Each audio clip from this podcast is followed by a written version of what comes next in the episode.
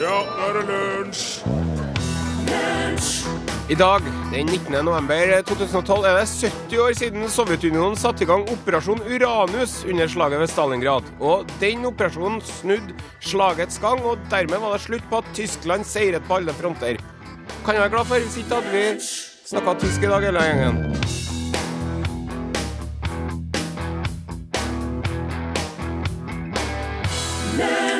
Yes, den uh, svinger, den der, der du. Uh, Label, uh, Lady Marmalade. God morgen, brødre og søstre. Du hører på Lunsj på NRK P1. Og nå skal du få høre noe artig som skjedde med meg her i morges. Der satt jeg inne på kontoret, vet du, sammen med produsent Torfinn Borchhus. Han satt ved pulten sin. Og jeg satt ved pulten til Rune Nilsson, for det er jo liksom hans sko jeg fyller denne uken. Herr Nilsson har eh, ferie fra NRK uten lunsj, eh, for at han har eh, en annen jobb. Eh, når han kommer hjem på mandagen, så tipper jeg at han er brun som en eikenøtt, for han er nemlig i Spanias land. Torrevieja.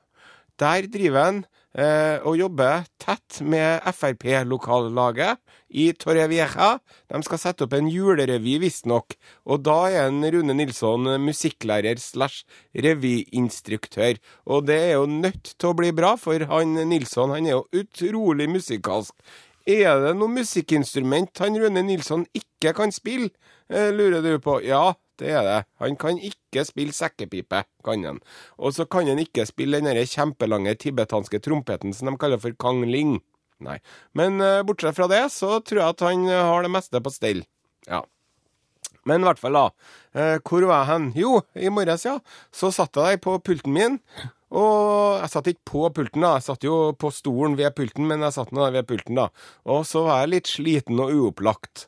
Og mandager er ikke ukas beste dag, syns ikke jeg. Så jeg var litt groggy i halsen og småforkjøla og ikke helt i toppform. Og skal være ærlig, det var litt sånn uh, Blimandag blues-stemning. Men så, vet du, akkurat idet jeg satt der og deppa, så klarte en Borchhus med de lange, veivete, uhåndterlige armene sine, helt ut av det blå, vet du, så velta han et nyfylt kaffekrus utover hele pulten sin. Og det var kaffe overalt. Det var kaffe på pulten og på Post-It-lappene og på notisblokka og en serviett og en sånn liten saltpose og på CD-ene, og det rant kaffe ned på gulvet og i det hele tatt. Det var noe ordentlig griseri, og han styra fælt med den der eh, Borchhusen.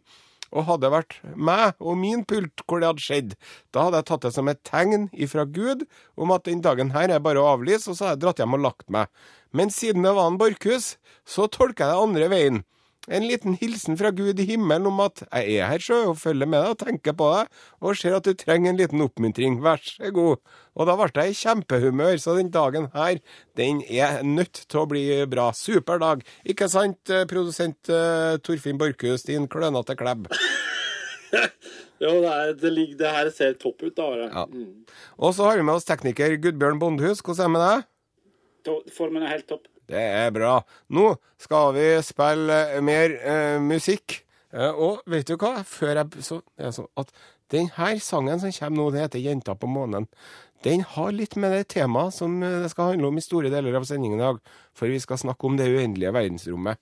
Og verdensrommet vet du, det er jo så mye større enn det som er nede på jorda her, at det går ikke an å tenke på det. Da blir det bare svimmel.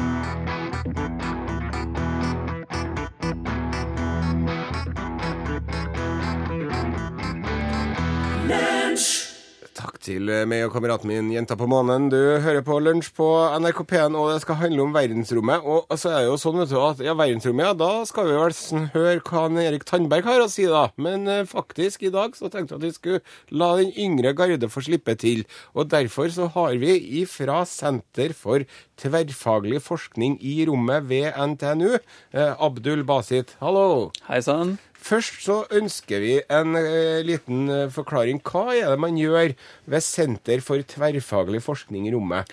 Og jo, som navnet tilsier, så driver vi jo med mye forskjellig forskning. Både i og relatert til verdensrommet. Mm. Uh, blant annet så styrer vi noen eksperimenter på den internasjonale romstasjonen. Og vi forsker også litt på biologi, sånn at vi kan forberede oss til lange, lange romreiser, f.eks. til Mars. Mm. Og det med Mars, det skal vi eh, komme tilbake til. Eh, eh, og så ønsker vi å fortelle deg som hører på nå, hvis du har et eh, spørsmål til en Abdul Basit, så kan du sende en tekstmelding til Du, sender, du skriver først bokstaven L i tekstmeldinga di, så skriver du det du ønsker å spørre om. Skriv gjerne navn, og så sender du det til nummer 1987. Koster ei krone. Jeg har blitt kidnappet av et romvesen. Hvem er det jeg kan snakke med dette om for å dele lignende erfaringer? Og så for eksempel, da. Men du, altså, jeg tenker på det med månen. Nå, har vi jo, nå er det jo lenge siden vi kom oss på månen første gangen. Ja. Og så er jeg litt sånn skuffet. Hvorfor er det ikke bosetting på månen ennå? For å si det sånn, Are, det har ikke manglet på interesse. Det har manglet litt på penger og vilje. Men nå så sier det jo siste nytt at amerikanerne har igjen tenkt å komme seg til månen. Og i løpet av eh, neste ja, ca. ti år så skal de prøve å lage en base som sirkler rundt månen, eh, slik at man da er veldig tett opp mot månen igjen. Men jeg hadde trodd, husker jeg husker på 80-tallet så tenkte jeg mye på det her. Så når jeg drev og leste sånne dårlige science fiction-bøker, da tenkte jeg at i 2012, da er det nå en kuppel på månen med kunstig atmosfære under, og så fer vi rundt og hopper som flyvekorn der med den lave tyngdekraften og alt. Ja. Um, det er mange som uh, har ønsket seg noe sånt uh, veldig lenge, og det, uh, det er rett og slett um, ikke så enkelt gjort. Det viser seg at ting tar lengre tid enn man tror. Jeg trodde vi skulle ha flyvende biler i 2012, det har vi ikke. Men vi er heller ikke på månen. Men um, det drives forskning, og, det drives veldig mye utvikling både i USA, eh, i land som Kina, eh, hvor de holder på å utvikle et veldig ambisiøst eh, romprogram, Russland og ikke minst Europa. Så forhåpentligvis så er vi i månen innen 10-15 år. Tror du? Ja. Hva, eh, hva er det hvis man kommer seg på månen? Sant? Hva er liksom, du, Nå har jo du nevnt litt minusene. Det er vanskelig, det er dyrt og det koster penger. sånn, Men hva er liksom plussene ved å, ved å ha en koloni på månen? Plussene ved å ha en koloni på månen i første omgang eh, må jo være det at eh, du lærer deg å bo på et fremmed eh, ekstremt i et fremmed ekstremt miljø. Du lærer deg hvordan mennesket takler å være utenfor denne planeten som vi har vært på i all evighet. Og vi kan etter hvert lære oss hva må vi gjøre f.eks. For, for å komme oss til Mars. Det er, jeg tror ikke det er noe tvil om at eh, mennesket kommer til å bevege seg utover eh, jorda etter hvert. Vi snakker om lang, lang tid framover, men det, det tror jeg ikke det er noe tvil om. Nå har jo, med den internasjonale romstasjonen, så har det vært mennesker ute i verdensrommet kontinuerlig i ti år nå. Så vi nærmer oss eh, det science fiction-scenarioet som du etterlyste, men det, det tar litt tid. Mm. Du, Abdul, før vi gir oss. Eh, rom, eh, liv på andre planeter. eh, Fins det? Ja eller nei? Ja. Det gjør det, ja? Ja. ja da er vi enige om det. Hvis du har et spørsmål eh, til vår romekspert, send en tekstmelding til 1987, kodeord L. Nå skal vi spille musikk her.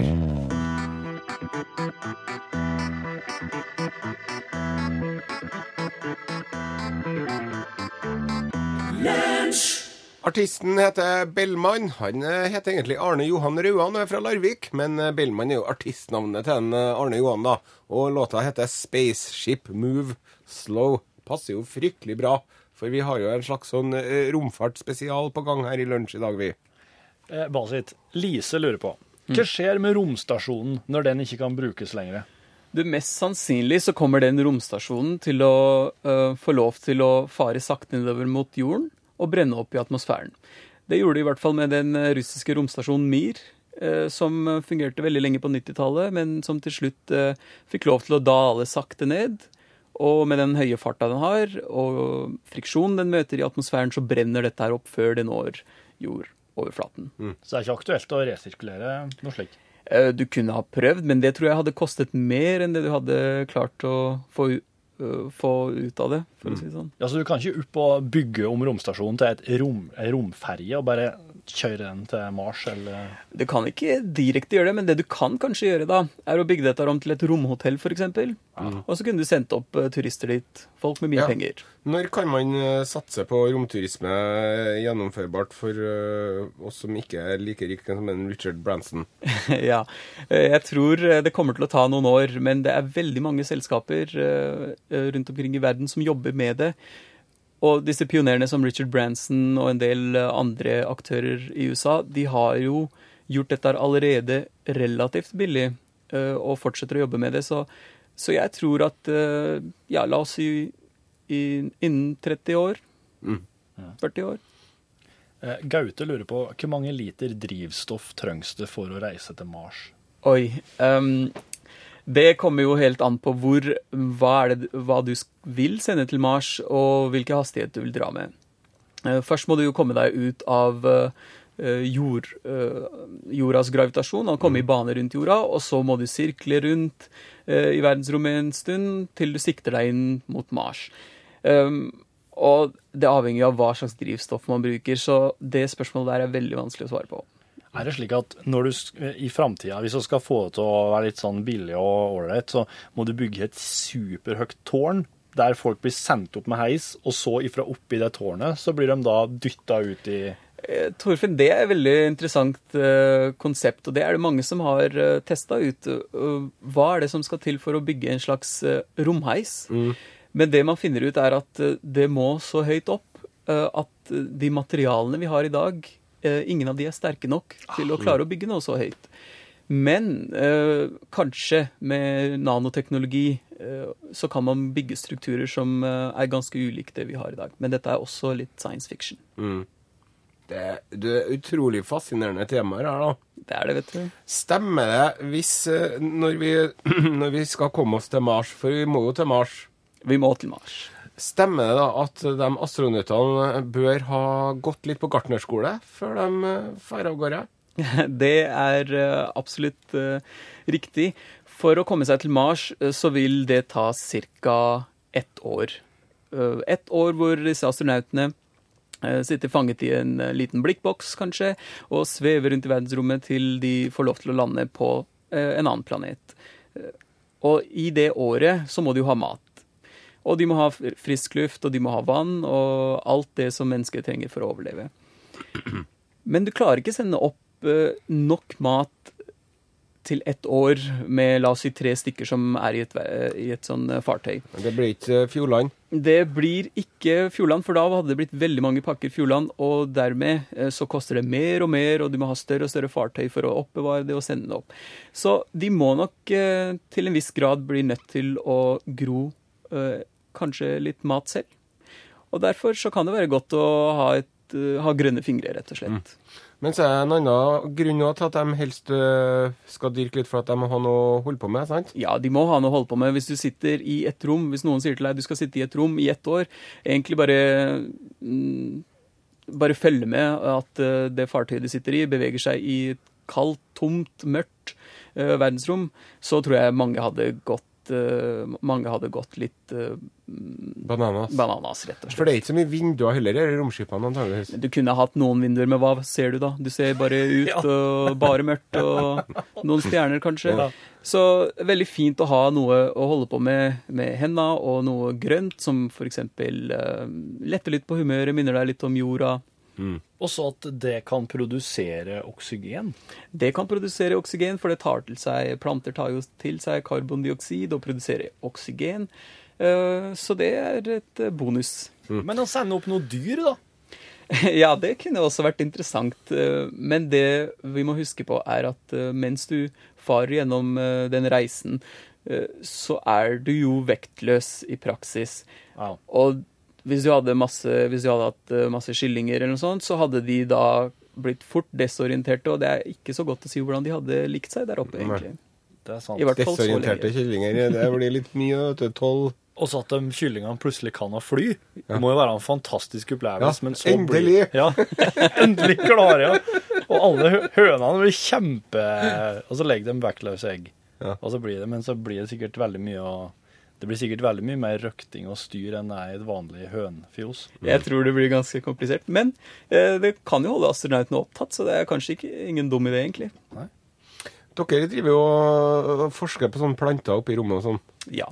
Vi driver med en del eh, planteeksperimenter på den internasjonale romstasjonen. Og eh, dette er egentlig grunnforskning og ganske komplisert. eh, Ikke så lett å forklare eh, et radioprogram som nå. Men eh, det langsiktige målet er jo å forstå hvordan planter oppfører seg. Hvordan klarer de seg når eh, de ikke kan gro der de er vant til, altså i jorda, her på, eh, her på bakken. Med en opp og en ned. Men opp eller ned, ja, det er jo ikke noe opp eller ned når du er vektløs, vet du. Så hvordan eh, oppfører plantene seg? Hva slags endringer får, eh, får de i genene sine, DNA-et sitt kanskje? Og håpet er jo at man skal forstå nok til at man også man kan forberede seg til en lang reise i verdensrommet, men også for å forstå hvordan planter eh, egentlig fungerer her på jorda. For her så har du jo alltids gravitasjon til stede. Og det gjør at eh, eh, du Det er en del mekanismer i planter du aldri får sett her på jorda. Men det kan du se når du er oppe i verdensrommet og vektløs. Hvorfor ei plante er den beste til nå for eh, dyrking i verdensrommet? Den planten man bruker mest, er en plante som heter vår, vårskrinneblom. Eh, Men, eh, og jeg vet ikke om den er best. Eh, Det spørs hva best i forhold til mat, tenker du kanskje? Ja, Hvilken som dere er- mest fornøyd med oppe i verdensrommet, som funker best? på en Eh, måte? Du, vi har brukt mm, både linsefrø og vårskrinneblom. Man har også prøvd å gro salat oppe i verdensrommet. Og vårskrinneblommen er den som har gitt oss mest eh, faglig utbytte. Eh, det er klart, eh, ting som salat og sånn, det, er eh, det er litt mer eh, spennende for, eh, i forhold til mat, da. ja, for du kan ikke ete av vårskrinneblom. Nei, du kan ikke det. Nei. Men hvor får man kjøpt eh, romdyrket salat? Det hadde imponert i middagsselskap, vet du. Det hadde det. Det, Romhøns med, med spacesalat. det hadde vært en dyr regning.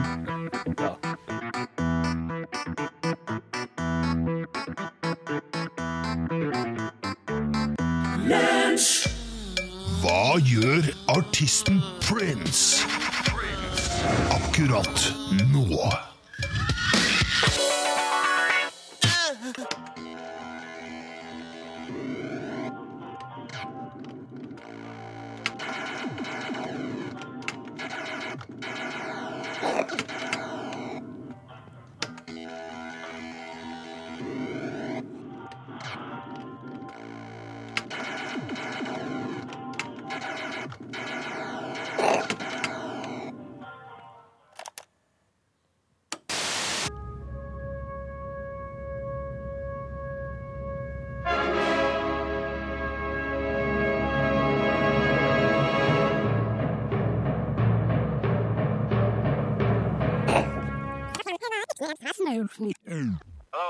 Read me? Do you read me, Hal? Affirmative, Dave. I read you.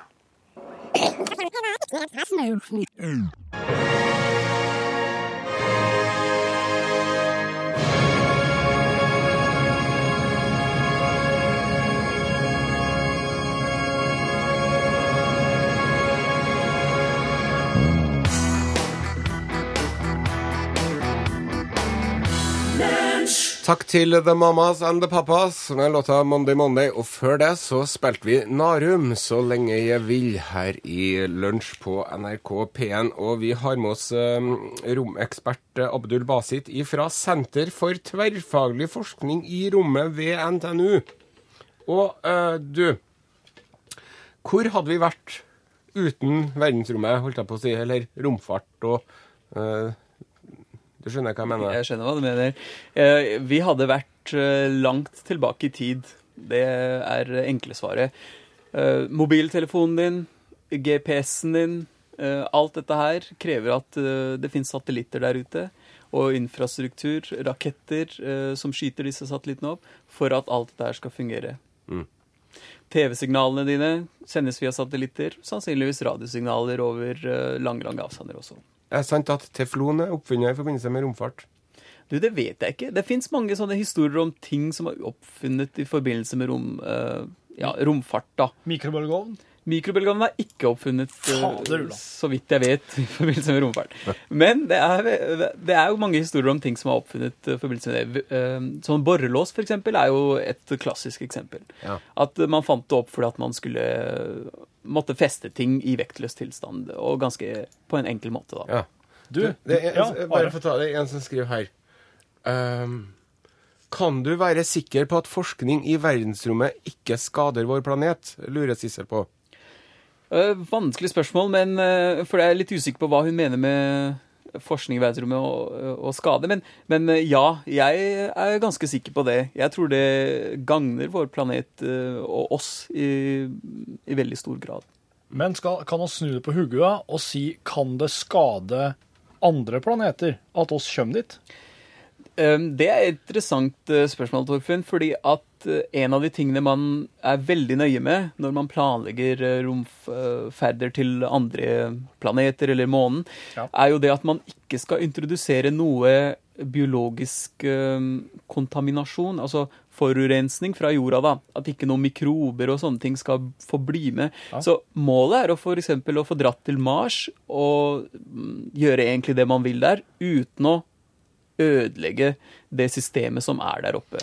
Jeg trodde at målet var å gjøre Mars så lik jorda som mulig. Når eh, kan vi ordne atmosfære så at man kan jogge rundt på Mars under røde sletter? Um, ja, si det. Det, det.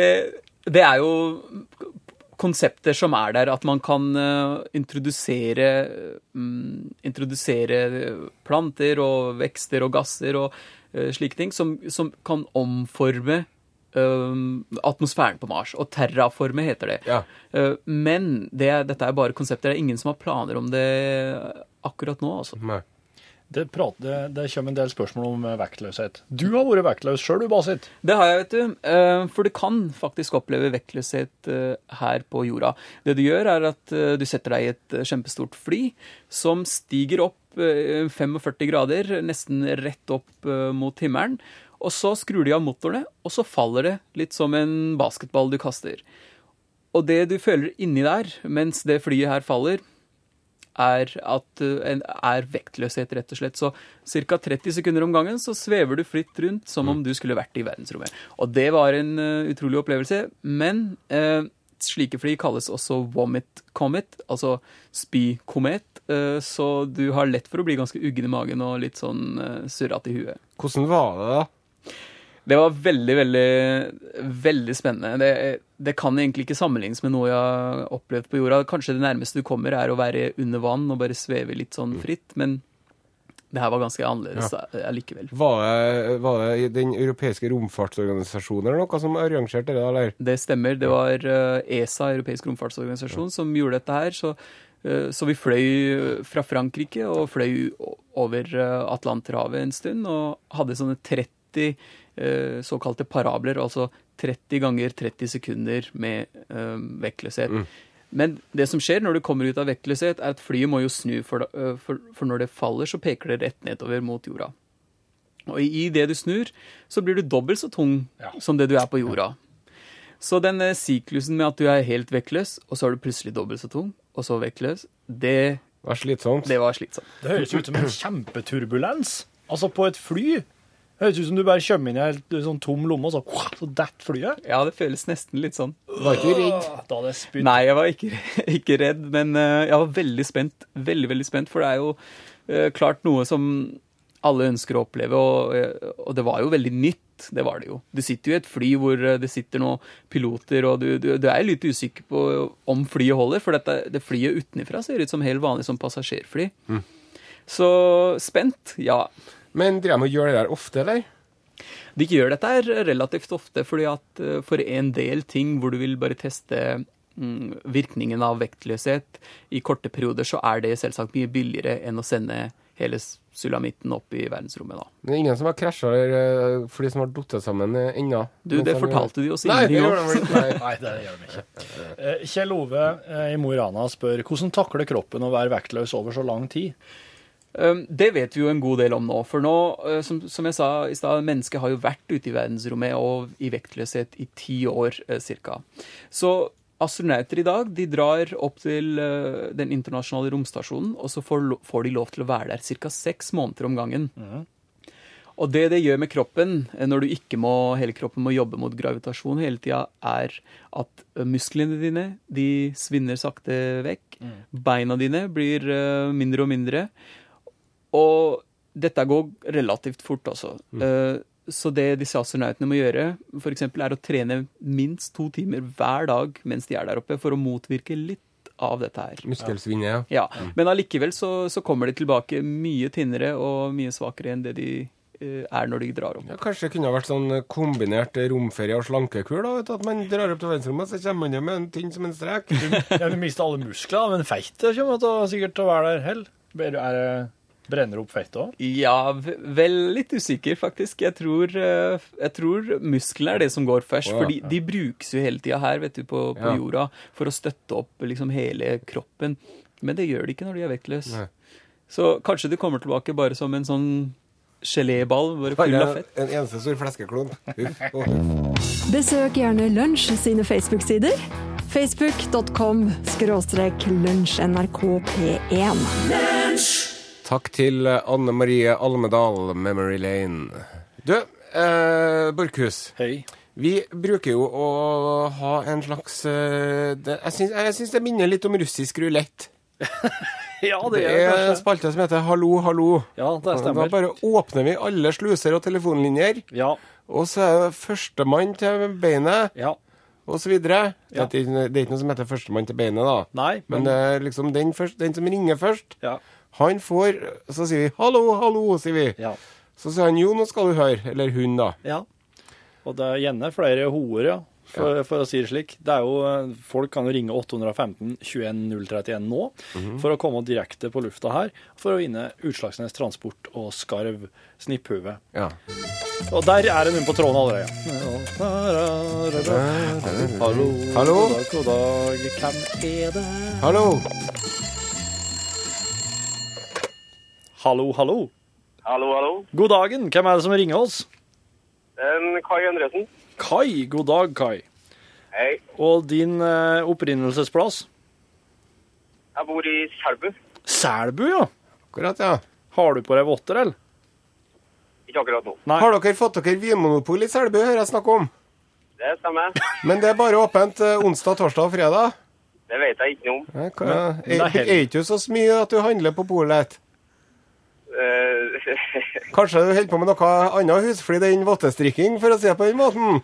ja, det finnes jo dem som gjør det òg, men det, det har andre årsaker. OK, ja, nok om det. Beklager. Den som har gjort seg uavhengig av det. Men du, Kai. um, hallo, hallo. Og eh, her skal vi jo eh, Jeg regner med å skal få høre ei, ei historie av noe slag?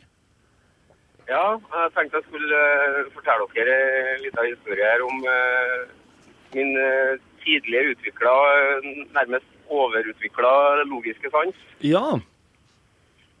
Eh, jeg ser for meg at jeg kunne ha vært en ca. 10-11 år jeg, hvor jeg har fått et eh, innfall hvor jeg sikkert for at jeg hadde lyst på kake sjøl, skulle bake kake til moderen. Oi. Eh, hvor jeg da går opp i skapet og finner en boks med bakepulver eh, hvor det står oppskrift på ei kake utapå. Ja. Eh, så viser det seg at eh, alt som står der, eh, det har vi da i huset. Den eh, bakeforma til motoren er bare halvparten så stor som den som står Aha. i oppskrifta. Ja. Og det jeg gjør da, eh, å komme på at jeg er bare en 10-11 år sant, og tenker veldig logisk, deler alt på to etter beste evne. Mm. Uh, og det jeg gjorde senere, det jeg gjorde etterpå, det jeg sikkert ville ha gjort den dag i dag. Jeg har allerede gjort den tabben. eh, Jeg tok da og delt alt i oppskrifta på to, satt det i ovnen, og delt eh, både steketid og temperatur også på to. OK. Det var ikke noe særlig heldig utfall. Kaka var jo da bare smørje som hang av. Og den, den Den var utrolig god. Jeg, kan ikke forstå at eh, det må jo være ganske riktig tenkt. Ja, egentlig så Vi kan jo spørre romfartseksperten vår. eh, hva syns du om det her? Eh, tenkninga var eh, ganske så god til å være en 10-11-åring, det må jeg si. Men noen ganger så leder ikke det til eh, riktig resultat. Altså. Nei. Noen ganger så hjelper ikke logikken oss. Nei. Nei. Ja, at jeg antagelig skulle gjort det samme i dag. hvis jeg aldri hadde prøvd det før. Men du Kai, det, det som et eh, plaster på såret, skulle jeg si, så opp eller ned? har oss eh, Ja, du fikk, ja. du fikk fire tomler opp, Fem Kai. tomler opp her, faktisk. Fem, for Hilde. Mathilde Zahl òg likte den. Så Det betyr- jeg... At du må bare eh, ikke legge på, Kai. Jeg skal få adressa di, så skal Are ta hånd om musikken her. Ja, du skal få mer musikk eh, her i Lunsj på NRK P1. Amy McDonald låta heter Pride. Send e-post bokstaven L for lunsj. Krøllav fra nrk.no. Til, takk til Amy McDonald Pride. Du hører på Lunsj på NRK P1. Og eh, vi må jo få takke Abdul Basit fra Senter for tverrfaglig forskning i rommet ved NTNU Samfunnsforskning AS for at du kom. Tusen takk eh, for at dere hadde meg her. Det var moro. Har du en eh, avslutningsmelding du har lyst til å fyre av før du går? Nei, bare husk at vi er alle uh, astronauter på en måte. Vi bor på en klode som farer gjennom verdensrommet. Så vi må oppføre oss fint der. Takk for det. Takk til deg. Og så har vi her Du skal få presentere deg selv, Hilde Mathilde. Uh, ja, god dag. Jeg heter Hilde Zahl. Ja. Uh, hei. Og du er programleder Bare Vær så god, bare gå ut. Ja, du kan bare gå ut, du. Du er programleder i Men du, bare før du går ut, kan jeg få lov til å si Gratulerer med dagen! Å, Nå Er det ikke fantastisk? I dag, 19. november. Gratulerer så utrolig mye. Føler dere at dere har fått gjort noe siden sist? Nei. Ikke det? Det har ikke vært noe protesttog, eller det er ikke noe sånn på, ja, på gang? Eh, Hva er det du sikter til du nå? Det er jo den store mannedagen i dag. Det er Åh. FNs internasjonale mannsdag i dag. hadde- dag. Jeg Men- trodde vi hadde Jeg går nå for øvrig rundt og føler at jeg har på en måte mannedag 364 dager i året, bortsett fra 8. mars. Utenom 8. mars, og da regner jeg med at du er en av de som er sur og slitsom og klager på at eh, Nei, damene får egen dag, og så mennene får nei. nei, nei. Du er ikke En det? dag i året for, for bør dere òg få. Ja, det syns du. Nei, men eh, seriøst, Hilde. Ja. Det er jo, eh, det er jo liksom eh, It's a man's world, Ja. som en eh, James Brown sier. Ja. Men det hadde ikke vært noe mye uten ei jente eller en kvinne inn, da. Nei, det uh, sier jo veldig tydelig til den sangen der. Men altså, det er jo, det er jo hvert år, den 8. mars, så kommer mannfolka på banen og men, vi har lyst på egen dag. Dere har jo egen dag. Mm. Ja. Men ser jeg dere gjøre noe? Nei, nei, Nei. Hva trenger dere? Hva skal vi gjøre da? Skal vi gå og demonstrere for mer lønn og Ja, kan dere ikke det? Eventuelt ut og brenne slips. Eller de der sinnssykt ubehagelige satengboksershortsene. De kunne dere satt fyr på. Det regner jeg ikke med dere liker så godt å gå. Mm. Vet ikke. Noe sånt. Mm. Du kan ikke la oss damer finne på deres eh, mannsdag. Nei, nei, nei, nei, nei. Men vi skal, vi skal høre litt om eh, den store mannedagen eh, i dag i norgesklasse. Selvsagt ganske mye mer òg. Mm. Men først eh, så skal vi en liten tur innom til Dagsnytt.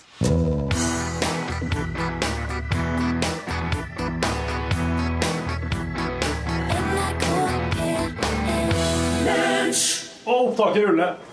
Er vi i gang? Vi er i gang. Da er det stemning her. Pass på at forsiktig, det er frukta mi. Ja. Um, Har du en posse med frukt? det er jo fra den eh, holdt på å si nær daglige fruktkurven som ingen spiser opp. Ja. Tar jeg med meg epler hjem til ungene. Ja. Og så legger du det fram som en slags gave fra deg sjøl, da. Fra den store, sjenerøse far. Me great hunter, me bring food for my family. Yeah, you bring. Me. Du, jeg hører på Du hører på podkasten for mandag eh, 19. 19. november, ja. 2012. Jeg vet at det er veldig mange av dere som er på etterskudd.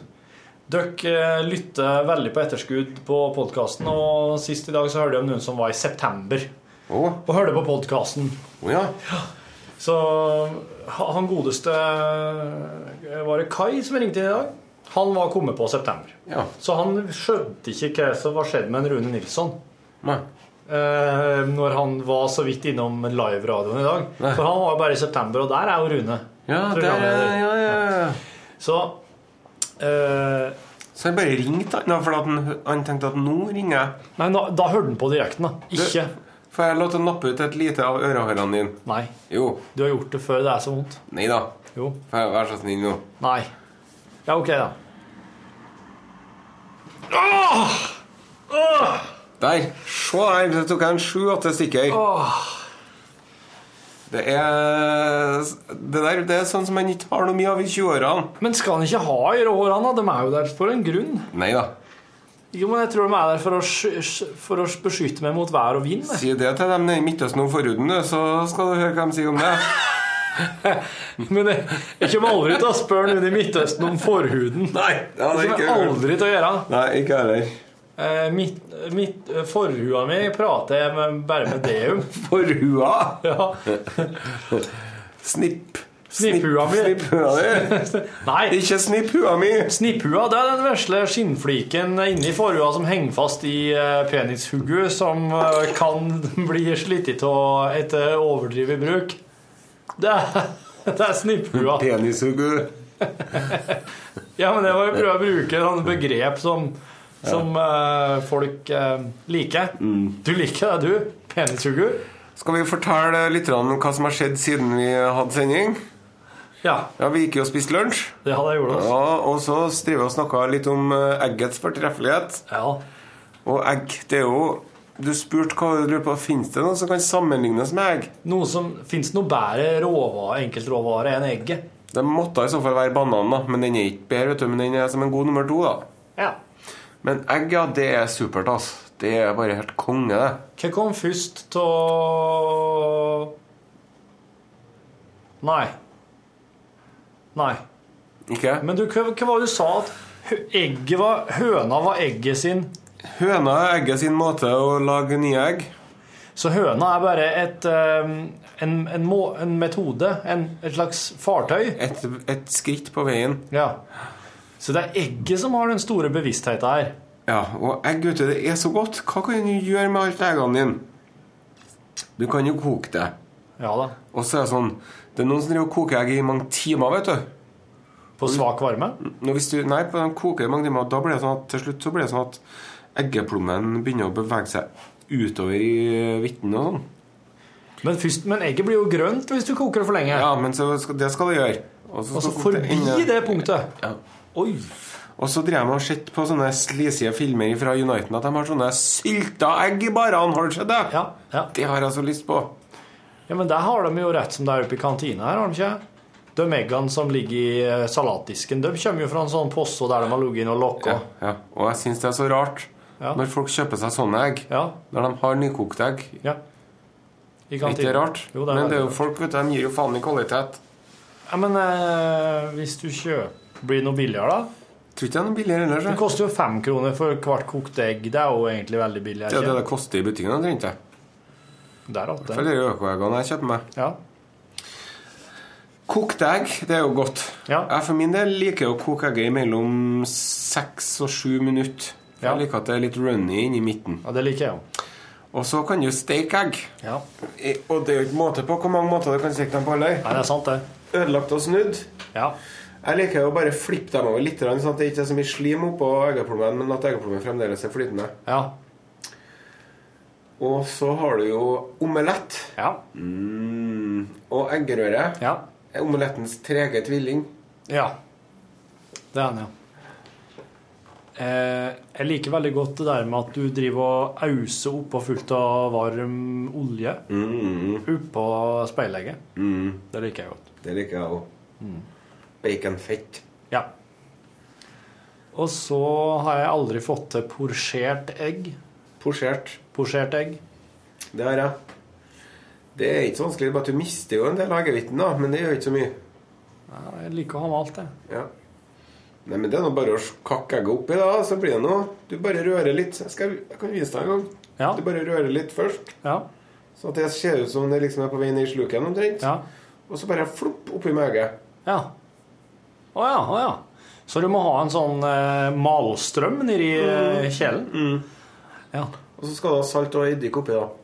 Men hva på, på, hva, hva er greia med posjert egg? Hva er det som er så bra med det, eller godt med det? Nei, det er jo at du slipper å skre... Det er jo sånn Det er jo samme som et kokt egg, bare at du slipper å skrelle det, liksom. Ah, ja. okay. Og så forsvinner jo litt av hvitten i vinninga og går opp i spinninga. For det, det blir jo litt sånn eggehvittgreier som forsvinner underveis. Ja. Og så kan du lage noe som jeg likte veldig godt da jeg var liten.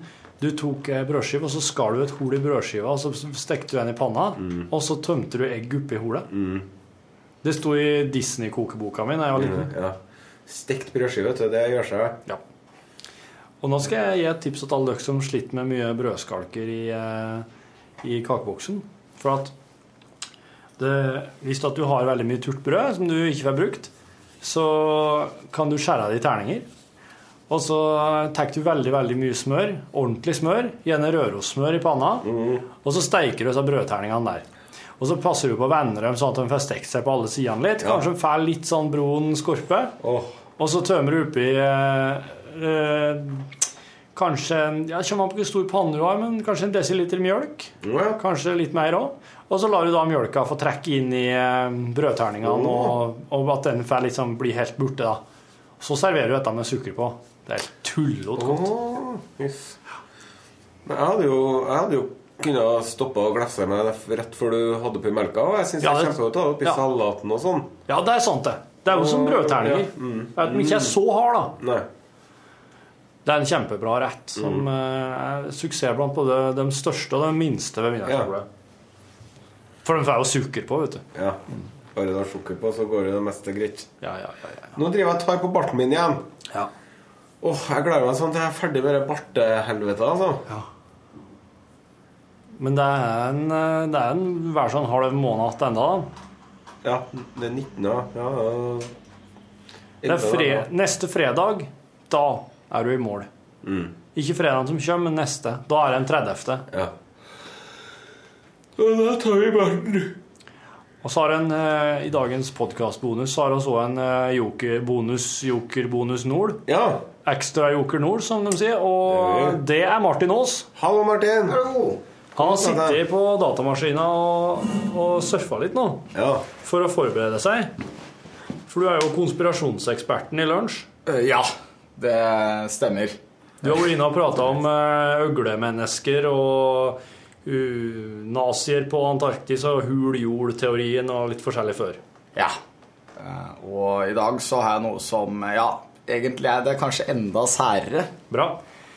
Uh, og det handler om uh, Det er noe Det er veldig mange spekulasjoner alltid i forbindelse med presidentkampene i USA og sånn.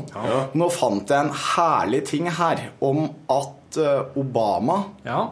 eh, som 19-åring i 1980 var med på en hemmelig eh, romtidsreise til Mars. What the fuck?!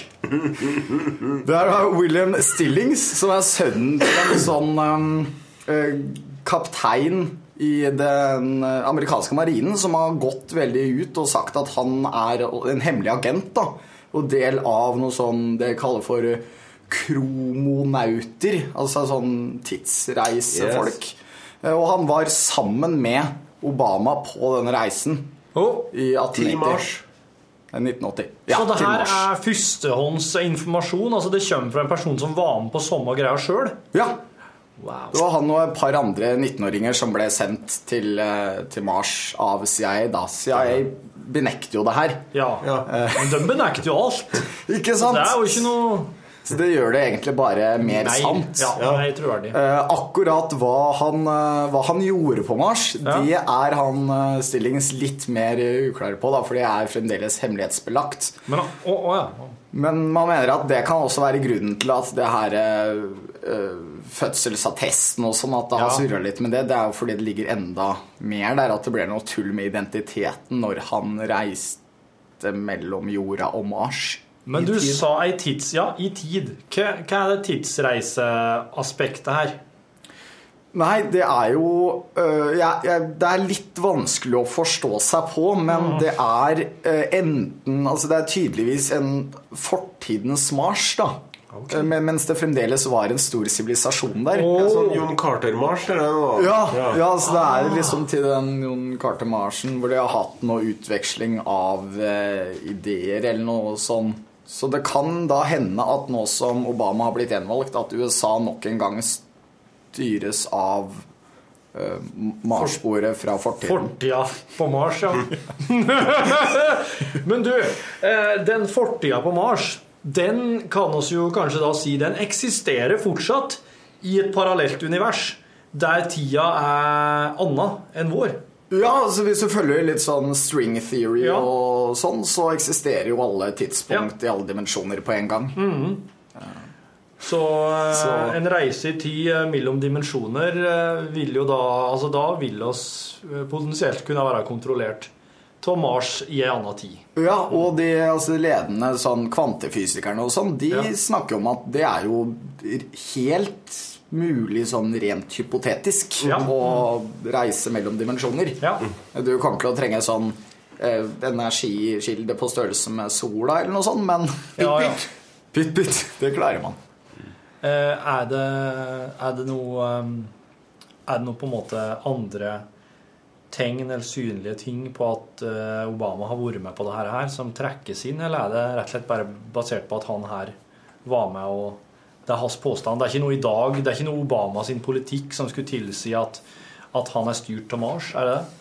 Nei, det er eh, Man, man kan jo altså med fikse ideer som et eh, helsesystem og sånn, så kan man kanskje ikke få de rare ideene fra noen andre steder enn nettopp forhistoriens Mars. Og vi så jo hvordan det gikk med det. Ja. Men det har begynt å bli litt sånn aktuelt nå i forbindelse med at jorda skal gå under 21.12. Ja, ja, ja. Ifølge mayaene. Og Gjør det. det blir mer og mer aktuelt. Og så kan det hende at man styrer oss mot det, eller det dimensjonsskiftet som også noen tror at vil skje. da. Ja. Og kanskje disse forhistoriske marsboerne kommer tilbake og tar over jorda. Hvis jorda går under den 21. desember, da blir jeg sur. Da blir jeg irritert. Men du kommer ikke til å rekke, tror jeg, å, å bli sur. Jo da. De begynner borti Mexico. Vet du. Å ja, oh, ja. og så kommer det på VG-nett. da. Ja. Hele Mexico forsvunnet. Ja, faen. Zombier i, eh, med Zombiemumier med mayakostymer spiser opp amerikanerne nå. Og da vet du at nå er det bare å begynne å fylle opp badekaret med vann, sånn at du har litt drikkevann, liksom. Ja. For det må jo skje. Det er jo på Mexico-tid, selvfølgelig. Det er jo det. Den, eh, så Da har vi åtte-ni timer, da. vi, Det er egentlig 22. desember at det skjer hos oss, da. Ja. Ja. Hvis, hvis det skjer på likt over hele jorden, da. Men kanskje bare følge klokka. rundt. ja. Det vil iallfall si at da kan vi kanskje legge julekvelden til den 21. Ja. For å få Ja, så hvis du ser at Mexico begynner å forsvinne, da OK, ok, nå skal jeg hente pakka! Pynte tre og åtte pakker og sette ribba i ovnen. Flaske ribba inn i mikroen. Ja. Ja, det er forferdelig at vi sitter her og flirer av det. Nei, det er når oss- Når dere som, når dere som sitter og hører det her, i 2013, vet hvordan det egentlig gikk. Eh, Det var nemlig et sånt paradigmeskifte 21.12. i 2012. Det vet jo de som hører podkasten inn i framtida. Ja.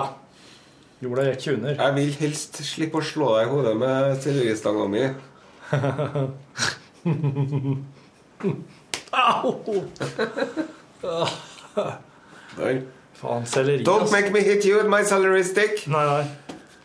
Det er jo det vegetarianerne verste enn vegetarianere er derfor jeg driver Jeg brukte alltid å disse vegetarianerne når jeg var i P3. vet du Hva skal de gjøre? Det er sånn Vegetarianerne er en sånn veldig grei gruppe å mobbe. Ja. For det første, de er jo så svakelige altså at de kan jo ikke å ta igjen. Nei. Så hvis det var disse kjøttetere, så får du juling. Mm. Men selleri med spisende veggiser, hva Ja. de gjør? Slår dem med selleristanga si.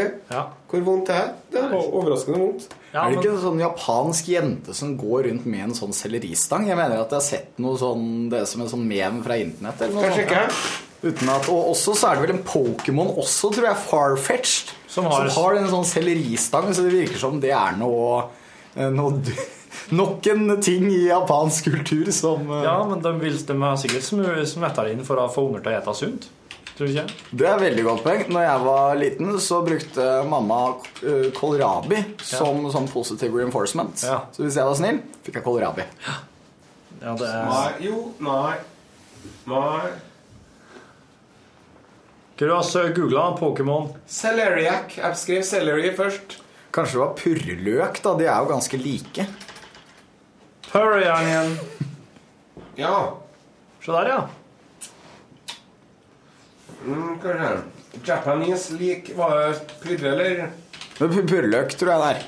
Jeg tror ikke vi har eh, stangselleri i Japan. Nei, Tror ikke de har stangselleri i Japan, du. Det tror jeg. Tror du det? Ja. Heia! Og der er den Pokémon uh, Ja, wow. Kawaii Hatsumi. Ja. Men er hun en, bare en menneskeliggjøring av Pokémon-figuren, eller er hun en egen? Nei, det er cosplay, ja. Wow. Hatsune Miku. Men mens jeg kikker på sånne japanske ting, vet du Se her, da. Her driver de og tar T-banen, vet du. Ja! Og det er så trangt. Åh, og det er så dogga. Se hvor de sliter. Se Åh. hvor trangt de har det. Og alle sammen lukker øynene bare sånn Å, må bare komme hjem med De mediterer. Å, gud, nå skal vi godt komme hjem og få seg litt sushi. Åh. En gang. Og jeg lurer på om jeg skal ha sånn misosuppe før jeg spiser sushi. Og jeg tror jeg faen jeg må må slenge en liten sånn tofuklump oppi noe buljong når jeg kommer hjem, for nå har jeg fortjent noe godt. Tofu, det skal jeg aldri ete mer. Nei, det er, det er ikke at det er vondt, men det er jo så utrolig lite godt. Ja. Og så er det ikke noe bra heller. Det er jo soyaplantasjer og sånn ødelegger jo regnskogen. Så man kan ikke spise tofu med god samvittighet. Nei. Og det samme med disse det rekene, vet du. Ja, de skal du heller ikke spise. Som blir dyrka fram i mangrovesumpen. Jeg fikk en sånn uh, liten brosjyre når jeg var i byen på lørdag. Ja. Og der sto det dette, dette er fisk og reker og skaller du kan spise. Dette skal du være obs på, dette skal du styre unna. Skal ha det med i morgen. Ja. Så kan vi snakke om det på radioen. Ja. For at det var utrolig mye, det er mye sånn tunfisk og sånn du ikke automatisk kan spise sjøl. Ja. Og likeens disse kamskjellene. En ting er hvis de har plukka kamskjell for hånd, da er det greit. Men uh, sånne kamskjellbåter, vet du, de får jo harve opp hele havbunnen dem på jakten etter kamskjell. Ja. Så det er mye snusk der. Ja. Og en Kjell Inge Røkke Ja. ja. Jeg vet hvem det er. ja, Ja. ja, Han, vet du, han er jo en bastard. Er han det? Ja. Han og Odd Reitan Ja. og han Rimi-Hagen Ja. og han derre utflagga skipsrederen med de to bimbodøtrene. Ha... Nettopp. Andersen Andresen eller noe. Og han tobakksarvingen. Ja. Det er verstingen innenfor Scampi og kamskjell. Ja. Alle som en. Oi! Med enda mer miljøødeleggende enn Scampi. dem. Mm. De er mer miljøødeleggende enn Scampi, faktisk. Men da skulle vi hele heller ha en tid og gjort noe med dem, da. Ja. Og det er, har jeg en plan om. Okay. Det er ikke sånn Facebook-gruppe, for det tror jeg ikke funker. Nei, vi må ordne revolusjon først. Først skal vi ordne revolusjon. Ja. Og så blir det litt knuste egg da, mens vi lager omelett i en, et lite sånn eh, overgangsstyre. ja. Jo, men det, det har folk funnet seg i før. Hvor vi må gi litt avkall på en del rettigheter som vi tar for gitt akkurat nå, men det er bare en kort stund. Ja. Ja, men da har vi satt i gang noe her. Digg. Eh, da spørs det om oss bare sier eh, tusen takk, Martin Aas, for at du var med i dagens eh, ekstramateriale. Jo, bare hyggelig. Are Osen, Takk for meg, Torfinn Borchhus. takk for meg. Takk for at du lasta ned podkasten vår. Eh, visdomsord til slutt. Hva er ditt favoritt-visdomsord? Eh, gi alltid 100% bortsett fra når du gir blod. Yes! Excellent. It was Lunch.